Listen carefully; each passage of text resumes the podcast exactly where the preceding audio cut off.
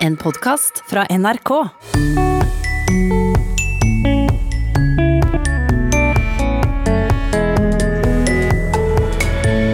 Han kom til Norge som flyktning i fjor høst. We are learning norsk kurs, and uh, the, the language so far it is, it is hard.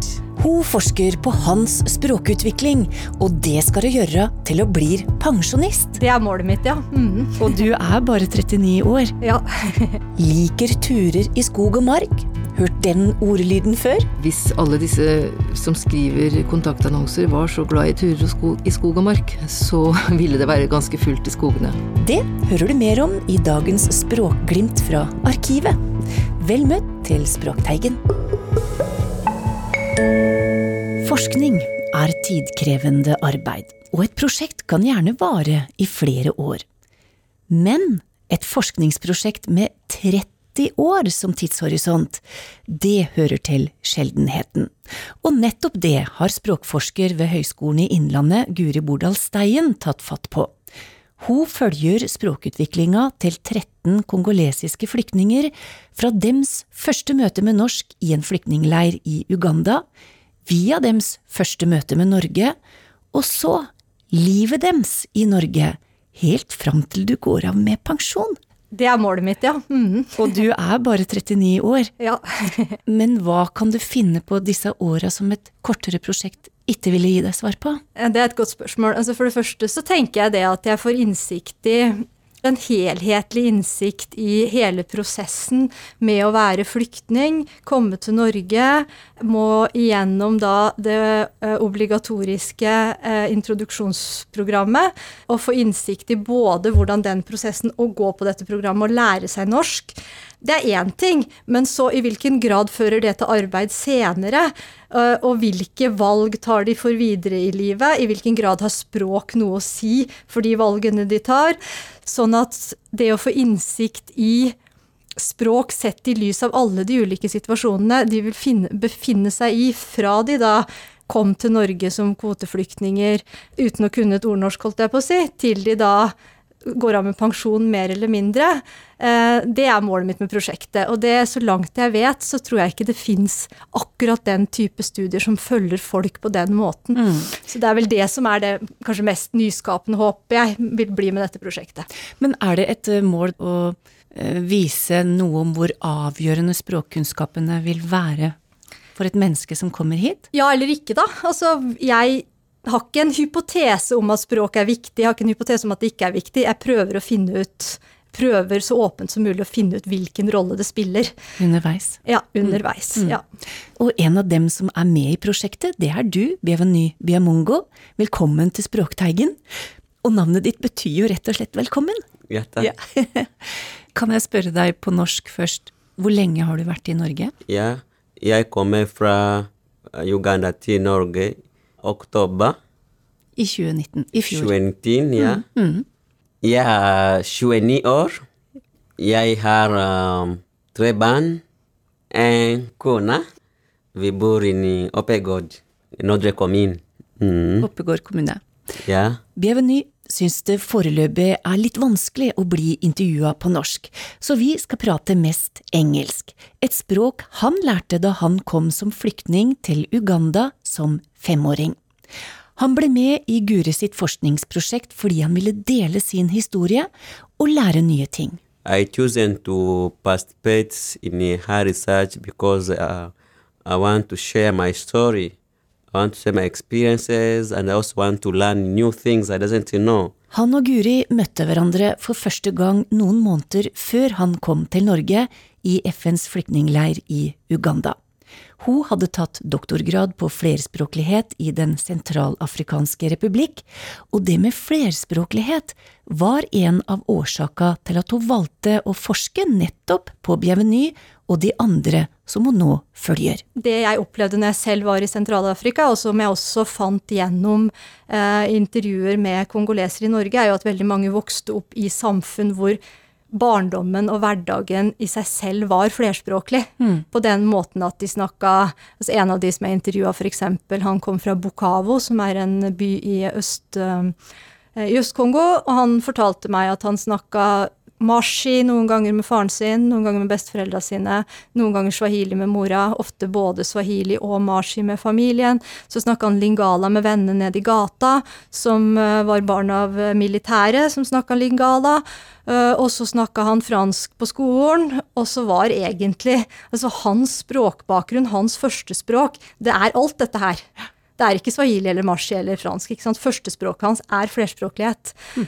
Og mange av dem har jo da, etter å ha hatt en såpass liksom flerspråklig oppvekst, flytter til et annet land hvor de er nødt til å lære seg språket, f.eks. Uganda, hvor de da lærer seg engelsk, og ofte ett eller flere lokale ugandiske språk, og så kommer de til Norge. Sånn at når de kommer som flyktninger til Norge og skal lære seg norsk, så kaller vi jo det eh, den vitenskapelige termen er jo norsk som andrespråk, ikke sant? men for mange av dem så er det jo norsk som tiendespråk, egentlig. Og eh, den type språkbakgrunn hvor du ikke kan lett definere ett førstespråk eller ett morsmål, men hvor heller språkbakgrunnen er et sammensatt repertoar bestående av språklige ressurser av ulikt opphav. Den type språkbakgrunn er i liten grad uh, reflektert i forskninga på språktilegnelse. Et, hvor, eksempel, ja, ja, ja, nei, et eksempel på det er en av de kongolesiske flyktningene som jeg følger nå, da, er jo med dem på norskopplæring. Og han hadde fått i oppgave å oversette um, en liste med norske ord til morsmålet. Så han hadde fått et ark, og så sto det norske ord, og så sto det morsmål, og så skulle han fylle inn den morsmålskolonna. Og i den kolonna så skrev han noen ord på fransk, og så skrev han noen ord på engelsk, og så skrev han noen ord på, på swahili. Han skrev ingen ord på kinyabuisha, som er det språket han ville sagt var morsmålet sitt. Ikke sant? Mm. Sånn at for han så kan jeg Jeg analyserer det sånn at kinyabuisha er det språket han identifiserer seg med. Det er språket til den gruppen han er fra. Det er kanskje hjertespråket hans, men han har kanskje ikke brukt det i læringssammenheng noen gang. Han har ikke skrevet det noen gang. Så de ressursene som var naturlige for han å bruke for å forstå norsk, for å oversette til norsk, det var de andrespråklige ressursene. Men det var jo heller ikke naturlig for han da å holde seg til ett navngitt konkret språk. Han brukte sitt språklige repertoar. Ja, hele repertoaret. Hele repertoaret sitt, mm. nemlig. Mm. Bienvenu liker norskopplæring og roser læreren sin som bruker mange forskjellige innlæringsmetoder. My teacher is really innovative because she uses different methodology in, in teaching. And uh, before I joined the class, I didn't know anything, even in greetings. I was just scared in Norwegian. How do I start? But after one week, two weeks, I was able to, to introduce myself, to say hi. And also, the, the class is inter, inter, we have interruptions. People are friendly. We are able to have some group discussions. We also have some practical writings, dictations. All these methods they are helping me uh, both to speak and also writing and hearing.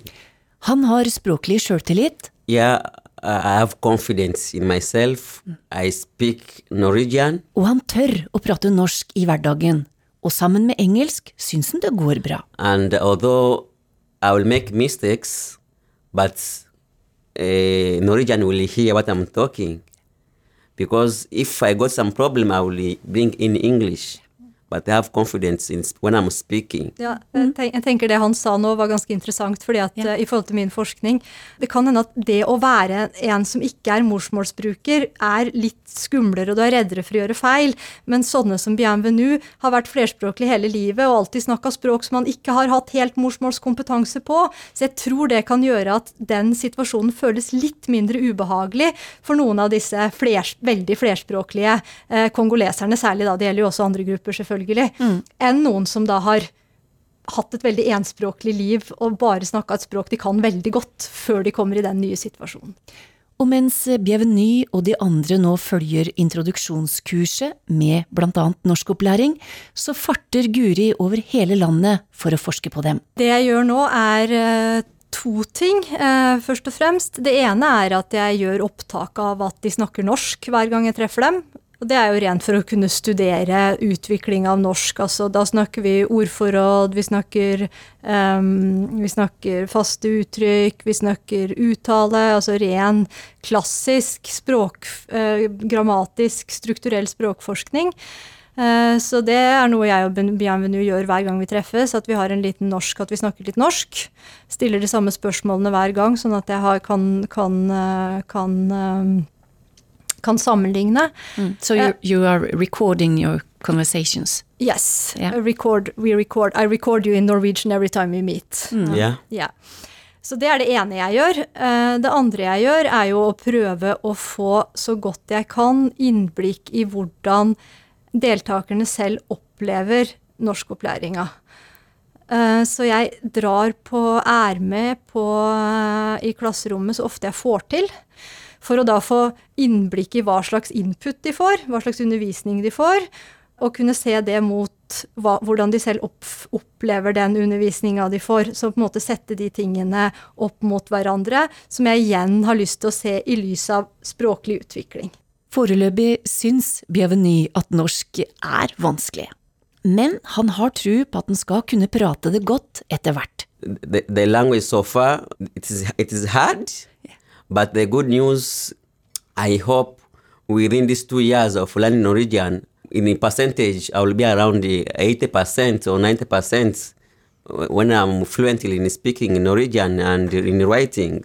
Målet hans er å studere og få seg jobb, men akkurat nå er det norskopplæring og jobbing som frivillig for Røde Kors, hvor han jobber spesielt med ungdom og flyktninger. Men hvordan ser han på et liv som forskningsobjekt for Guri Bordal Steien? In the other hand, I'm proud of it because uh, it is uh, we are many here in Norway, but not all of them got this opportunity. And to me, it is a blessing to have this opportunity. Han sier at han er stolt av det, fordi det gir han noen ekstra muligheter til å oppleve og lære. Og det viktigste er at hennes forskning vil gjøre en forskjell for innvandrere og for nordmenn. So her research will impact many many people, not only the migrants, but even some of the Norwegian. It is good to learn uh, what's what's happening around the world. Alle som er med i prosjektet har mulighet til å trekke seg når som helst. Men Guri har et håp om at mange nok blir med til at hun kan gjennomføre prosjektet, som hun håper faktisk vil bety en forskjell. Hovedmålet mitt er vel å kunne på en så nyansert måte som jeg får til, å gi eh, et inntrykk av hvordan hele den opplevelsen er. Det å kunne på en måte gi en stemme til den som opplever det, er vel kanskje det det største håpet jeg har for denne forskninga. På Høgskolen i Innlandet så fikk vi i oppdrag fra Kompetanse Norge å skrive en kunnskapsoppsummering om alt som er skrevet om norskopplæring for voksne innvandrere i Norge. Og det vi fant, var at det var nesten ingen som hadde spurt innvandrerne selv hvordan de opplevde det. Så det var, det var intervjuer med kommuner, kommuneansatte, lærere, flyktningekonsulenter, altså veldig mange aktører. Så er det veldig få som har spurt flyktningene selv. Så målet er ikke nødvendigvis å generalisere, men målet er å kunne gi en så grundig eh, og så nyansert utgreining om enkeltindividers erfaring som jeg får til. For det tror jeg vi har veldig mye å lære av. For sum summarum så er det jo enkeltindivider dette dreier seg om. Det sa Guri Bordal Steien, som altså følger 13 kongolesiske flyktningers liv og språkutvikling i Norge. Og en av dem, Biaveny Biamongo.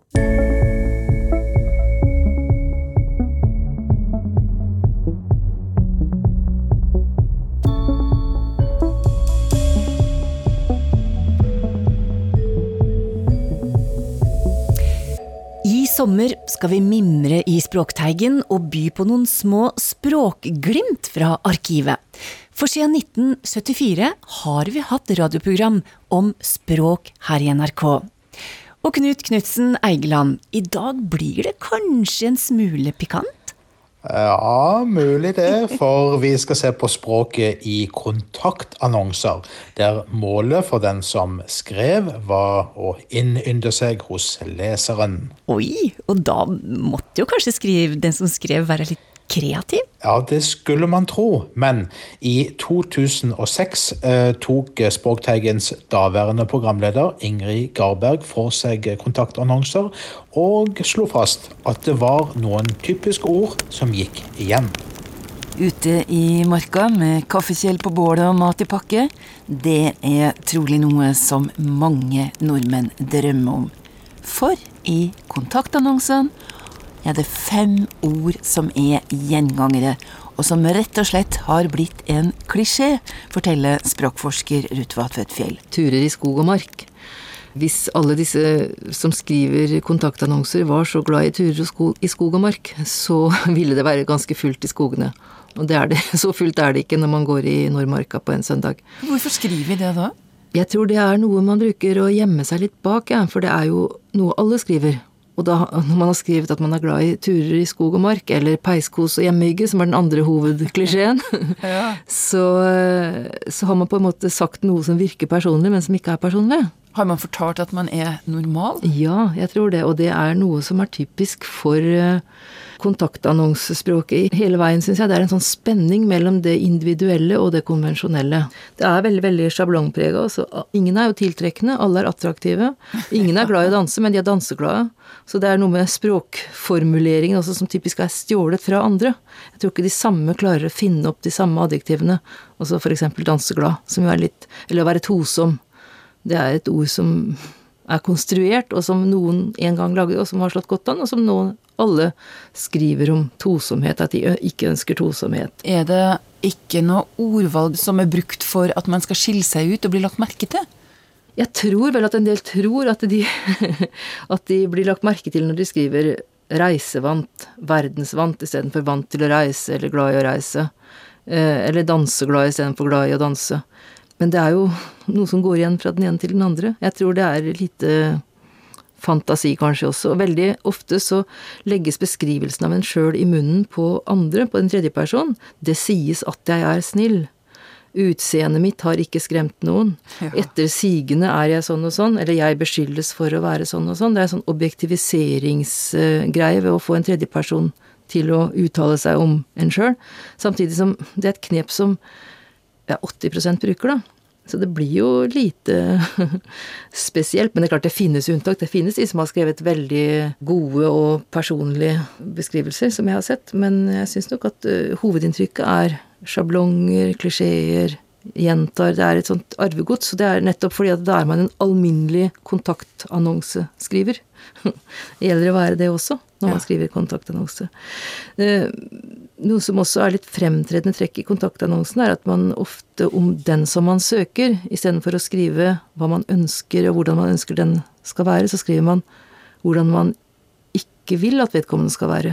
Man vil ha en ikke-røyker, for eksempel. Mm. man vil ha en ikke-gubbete mann. eller man vil ha en ikke for høy mann, eller en ikke for tykk, eller ikke for gammel, eller ikke for konvensjonell. Man skriver ikke det omvendte. Hva er grunnen til det? Jeg tror ikke at man øh, vil si, stille noen direkte krav, men det blir jo en slags indirekte krav når man sier hva man ikke vil ha. Ja, det er en slags sånn høflig ordvalg? Ja, en slags ordvalg. forsiktighet i det, ja. Mm. For ikke å skremme bort potensielt interessante partnere, ikke sant. Ellers er det et ord som går igjen i så å si alle, og det er ordet slank. Det er jo litt interessant at man er så opptatt av kropp. Ja. At folk ikke skal være overvektige. Samtidig som vi jo vet at uh, gjennomsnittsvekta på nordmennene øker enormt. så det er jo litt sånn eh, urealistisk, da. Men det er også veldig mye urealistisk i eh, språk og i ønske, altså måten å formulere på. Det er veldig mye sånne dobbeltkonstruksjoner, uh, sånn bindestreksord. Man vil ha en sportslig elegant person, eksempel. Det er ikke så veldig lett å matche det.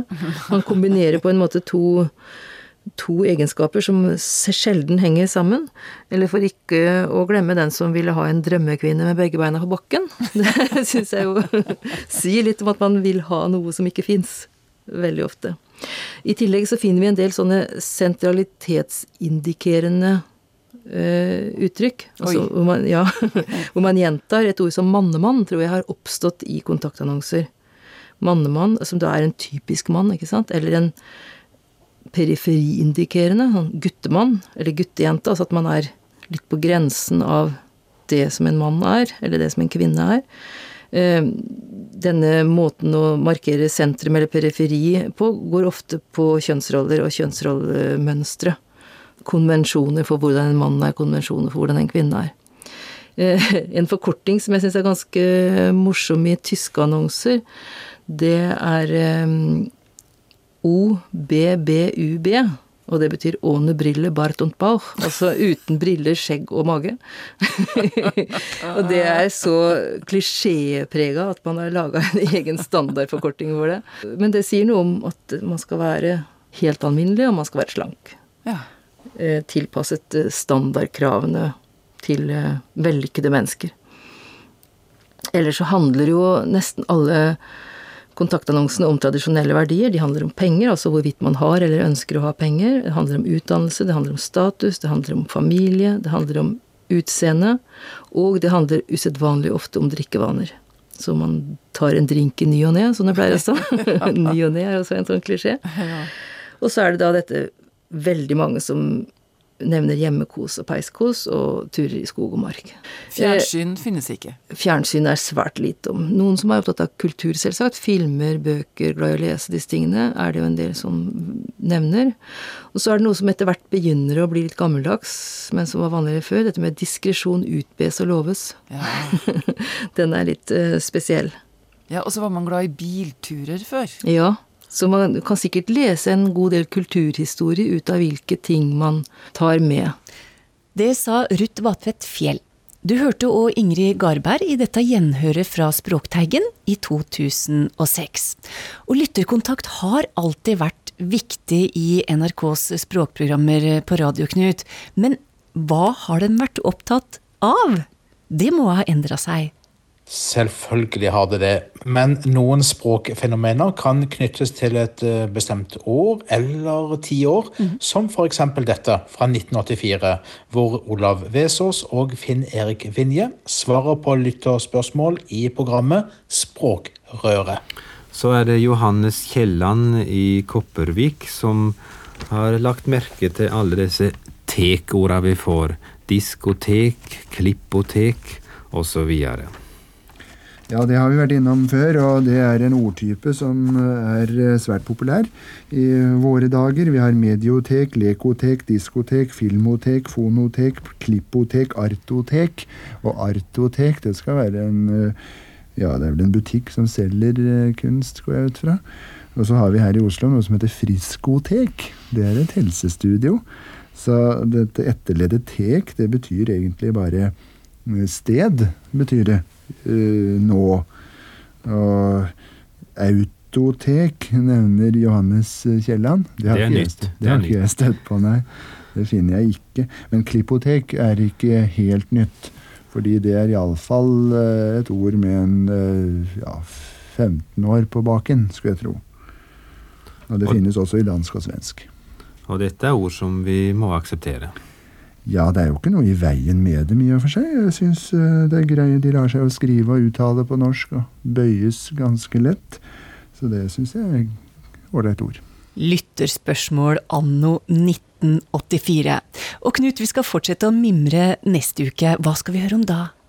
Da skal du få høre et nydelig intervju med en svært ivrig lytter av radioprogrammet Språkrøret. Hun sendte titt og ofte inn lytterspørsmål hun ville ha svar på. Jeg liker ikke sånn sleivet språk, men jeg liker et levende språk.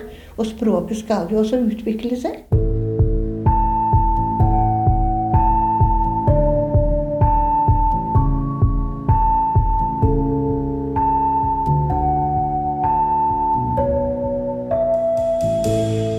Vi gjør et galant hopp fra lytterspørsmål i 1984 til lytterspørsmål 2020. Det første er fra Petter, som spør hvor kommer ordet ramaskrik fra? Har det noe med den indiske guden Rama å gjøre? Jeg sender spørsmålet til deg, Toril Oppsal. Eh, ramaskrik har neppe noe med guden Rama å gjøre. Vi må slå opp i Bibelen for å finne ramaskriket. Eh, vi må til Gamle Testamentet, til Jeremia, og nå skal jeg holde tunga rett i munnen, og jeg mener det skal være 31. kapittel, vers 15. Og der kan vi lese. I Rama høres skrik, klagesang og bitter gråt. Rakel gråter over barna sine og vil ikke la seg trøste, for barna hennes er ikke mer. det er slik at fortolkningen av dette bibelverset det tror jeg skal overlate til teologene. Mm. Men, men, det er ikke vanskelig å høre ut fra denne situasjonen at dette her er et uttrykk som passer veldig, veldig godt eh, som et ord som uttrykker ekspressivt og ja, en forbitret pro protest. Mm. Eh, så, så ramaskrik er hentet fra Bibelen. Rama er en by. Hva er det med dette ordet putte, spør Liv Tanke og Rolf Audun Moen. I Rogaland putter vi noe i et høl, i en åpning eller i en beholder, mens Wenche i TV 2 hun putter fløte i sausen, og vi har sett følgende tekst i nyheten. Det er mange som er enig i Sylvi Listhaugs utspill om at vindmøller er noe svineri, ikke minst hvis du skal putte dem rett foran områdene du er i. Sitat Erna Solberg. Hva er dette ordet putte? undrer Liv Tanke og, Rolf Audun Moe.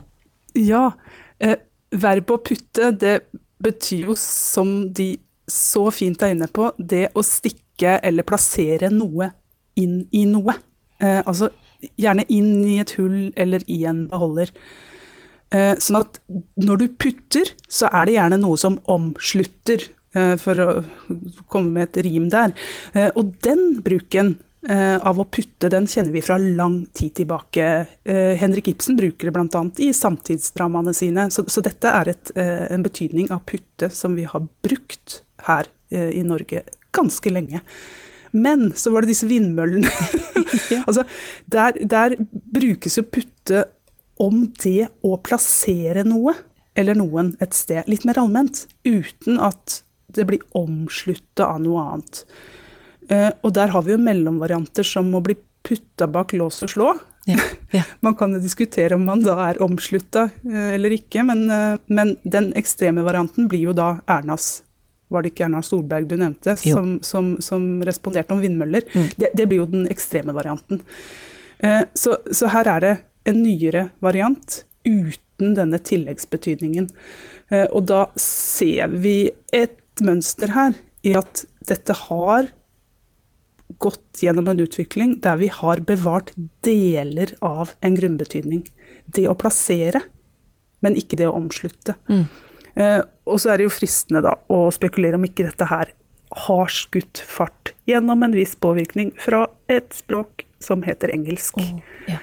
Og det er jo ingen tvil om at noen spesialbetydninger har vi fra engelsk. Eh, golf er blitt populært. Og der putter man jo mm. på, på, på, golfbanen. Eh, og så er det dette med å putte fotballen i målet. um, så vi kan også putte på ei krone og snakke litt mer. Og, og, jeg må være så ærlig og si at jeg reagerer også på å putte fløte i sausen.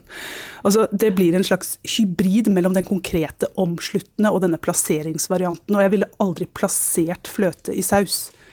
Altså, bildet av at sausen omslutter fløten, den skurrer også litt, så jeg ville nok heller helle fløte i sausen og la den putre, altså. Ikke noe putting av fløte. Ja, et sted må grensa gå selv for å putte, tror jeg.